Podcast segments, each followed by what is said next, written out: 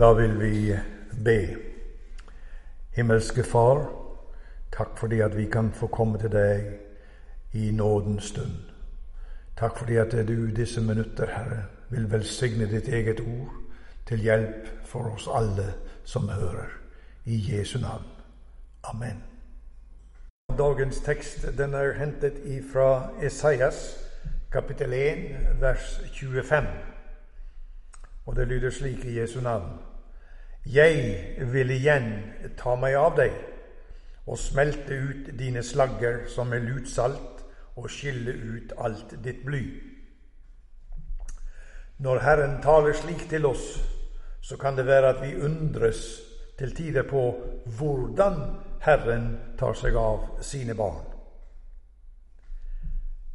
Det er en viktig sak for oss, dette å lese Guds ord i sammenheng og under bønn.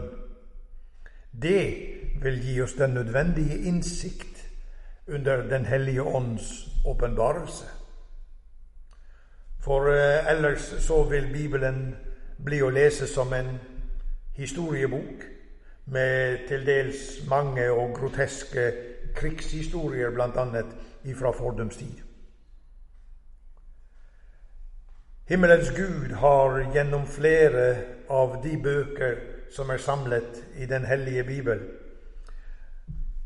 prøvd å nå oss med sitt budskap. Både hos profeten Jeremia og hos profeten Esekiel, der hvor du finner til sammen hundrede kapitler. Der finner du også paralleller videre hvis du går til klagesangene, og hvis du går til Nehemias bok, så ser du at det er enda flere steder hvor vi kan lese om hvordan Gud prøvde å nå sitt folk og få det til å innrette seg på det som var blitt avtalt. For Gud, han hadde gitt sine løfter til folket, slik som vi finner i 3. Mosebok 26. Dersom dere vandrer i mine lover og tar vare på mine bud og holder dem, da vil jeg gi eder regn i rette tid, og jorden skal gi sin grøde, og markens trær skal gi sin frukt, og tresketiden skal vare hos eder like til vinhøsten, og vinhøsten skal vare inntil kornet såes, og I skal ete eder mette av brødet som I har avlet, og bo trygt i eders land. Men mennesket bryter avtalen. Og Gud sier, Du har ikke gitt meg dine brennoffers får, og ikke æret meg med dine slaktoffer. Jeg har ikke trettet deg med matoffer, og ikke voldt deg møye med virak. Du har ikke kjøpt meg kalmus for sølv, og ikke mettet meg med dine slaktoffers fedme. Du har bare trettet meg med dine synder, og voldt meg møye med dine misgjerninger. Slik finner vi det i Esaias 43, hvor Herren taler til sitt folk. Han har holdt sin del av avtalen. Han ser at mennesket vender seg til en helt annen side, og bare tretter han med sine synder. Så kan vi spørre hvorfor ville Gud ha kontakt med et folk som stadig vandret i ulydighet, og som ikke holdt seg til det de hadde avtalt. Det er bare ett ord eller ett svar på nettopp dette spørsmålet. Det er Guds grenseløse kjærlighet til den ypperste skapning han gjorde i fordums tid. Og han forteller oss i 1. Peter 1 der forteller han oss at dere vet, sier apostelen, at ikke med forgjengelige ting, sølv eller gull, ble løskjøpt fra eders dårlige ferd, som var arvet fra fedrene, men med Kristi dyre blod, som blodet av et ulastelig og lyteløst lam. Herren sier videre i Esaias 53.: Han ble såret for våre overtredelser. Han ble knust for våre misgjerninger. Straffen ble lagt på ham for at vi skulle finne fred og forløsning, og ved hans sår har vi fått legedom. Selv når dette forkynnes i dag av Herrens utsending, så lyder også Herrens dom over folket. Fordi jeg ropte, og dere ikke ville høre. Fordi jeg rakte ut min hånd, og ingen gav akt. Fordi dere forsmådde alle mine råd og ikke ville vite av min tilrettevisning.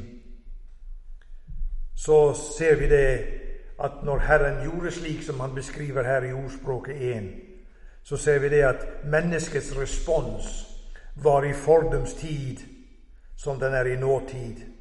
Mennesket, og vi leser i andre krønikebok 36, mennesker spottet Guds sendebud og foraktet Hans ord og hånte Hans profeter, inntil Herrens vrede mot sitt folk ble så sterkt at det ikke lenger var noen legedom. For Herren sier videre i Esaias 65.: Jeg bredte ut mine hender hele dagen til et gjenstridig folk, som går på den vei som ikke er god, efter sine egne tanker. Når vi da, som nåtidsmennesker, velger vekk betydningen av nådens evangelium og blodets frelsende gjerning, da sier vi nei takk til Guds nærvær i våre liv og i vår tilværelse som mennesker, uansett hvor på kloden vi befinner oss. Og her trenger man verken være prest eller profet for å se konsekvensene som kommer av et nei til Gud. Men i dag så kommer Guds nåde til oss. Selv om vi til nå har snudd det døve øret til og ikke hørt på og ikke innrettet oss etter Guds ord. For Herren sier tydelig i det ordet vi leste til å begynne med fra Esaias 1,25.: Jeg vil igjen ta meg av deg. Det er et av mine personlige favorittsteder i Skriften, som vi finner i Lukas 15. Der understrekes at Herren speider etter oss selv om vi har faret vill, og som Skriften sier, har løpt inn under hvert grønt tre på livsveien. For der står det i Lukas 15 om den bortkomne sønn. Og det står der at han sto opp og kom til sin far. Etter et utsvevende liv som endet i elendighet og nød, så så hans far ham. Og så løp han han i møte. Og hva er det han finner i det han ser sin sønn? Jo, det er denne som en dag forlot hjemstedet, pent antrukket på vei til de store opplevelser ute i verden. Nå møter den samme sin far, kledd i filler, illeluktende, utmagret og i elendig forfatning. Men hans far, han så disse ting, men det var ikke det som var hovedsaken. Han så forbi alle disse menneskelige elementene, og han ynkedes inderlig og løp til og falt han om, halsen og kysset ham. Det finnes ingen grenser for hva Gud kan og vil omfavne om du kommer til ham i Jesu navn. Kanskje du stiller dette spørsmålet Kan dette nådens budskap forkynnes for meg? Kan jeg ta det til meg? Kanskje du videre sier eller tenker Du vet jo ingenting om hvordan jeg har levd livet. Du vet ikke hva som har skjedd i mitt liv. Du vet ikke om alle mine fall, mine nederlag og mine ugjerninger. Hør hva Herren sier i sitt ord. Hver den som påkaller Herrens navn, skal bli frelst. Slik står det i Romerne 10. Det var dette han gjorde. Røveren som hang ved Jesus side der på Golgata. Ordene han brukte, lyder slik Jesus, kom meg i hu når du kommer i ditt rike. Det forløsende ordet der i Lukas 23, 42, det var dette han brukte ordet, Herrens navn, Jesus. Det forandret hele hans evighet.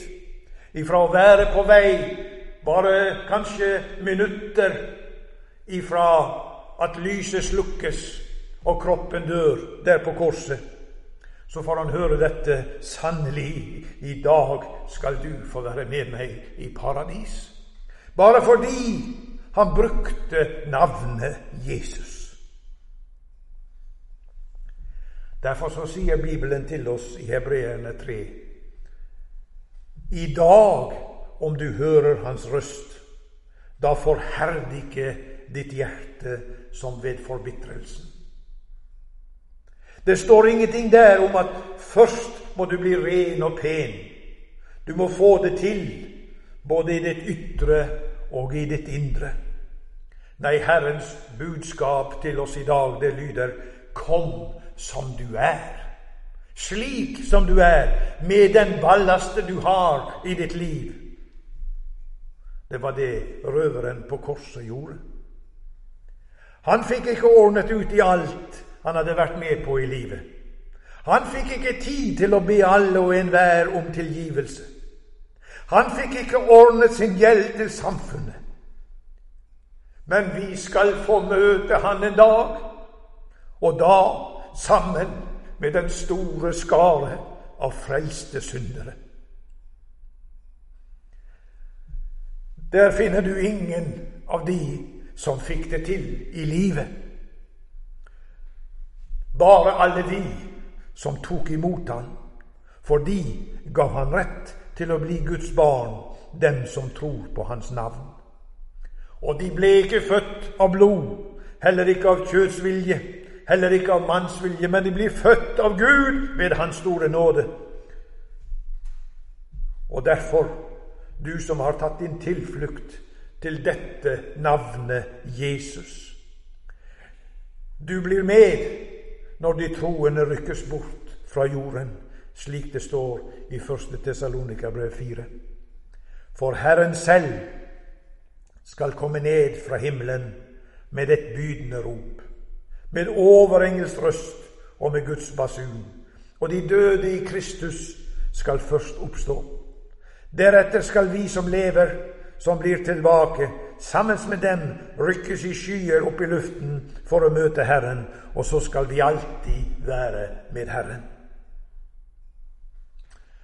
Kjære lytter, under tiden her i livet så kan vi komme på ville veier. Bort fra den daglige omgang med nådens ord. Og Derfor så skriver apostelen Peter i 1. Peter 5.: Vær edrue, våk, for ellers motstander djevelen går omkring som en brølende løve og søker hvem han kan oppsluke.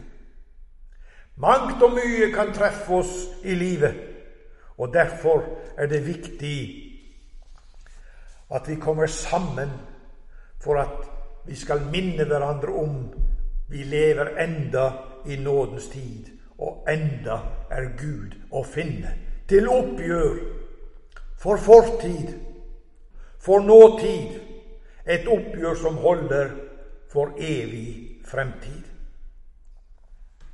Men dette skal du vite. Nådens tid kan opphøre for mennesket før livet er slutt. Mange er de som gikk inn i døden uten først å få gjøre opp sin sak med nådens Gud.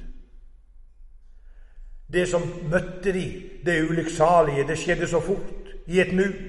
Sykdommen ble svær. Ulykka skjedde. Grunnene kan være mange. Vil minne deg om da Gud sa at redningen ligger i å stige inn i arken som Noah hadde bygget. Men de spottet og gjorde narr av denne mannen som hadde tatt dette store arbeidet for seg. Og dagen kom da Gud selv lukket døren til arken, der hvor Noah og familien hadde gått inn. I dag lyder Herrens ord. I dag frelser Herren. Så om du hører kallet i ditt indre, så forherd ikke ditt hjerte lenger, slik vi leste. Og skulle du være i en situasjon hvor du ikke forstår eller synes å vite hvordan dette skal gå til for din del, da må du gjerne ta kontakt med menigheten her i Arken. Så skal vi hjelpe deg til rette i ditt forhold til Gud, så du blir med den dagen når Jesus henter sine. Gud velsigne deg til det. Og hør Herrens hilsen til deg, du sjel. Jeg den allmektige Gud, vil igjen ta meg av deg for Jesus skyld. Amen.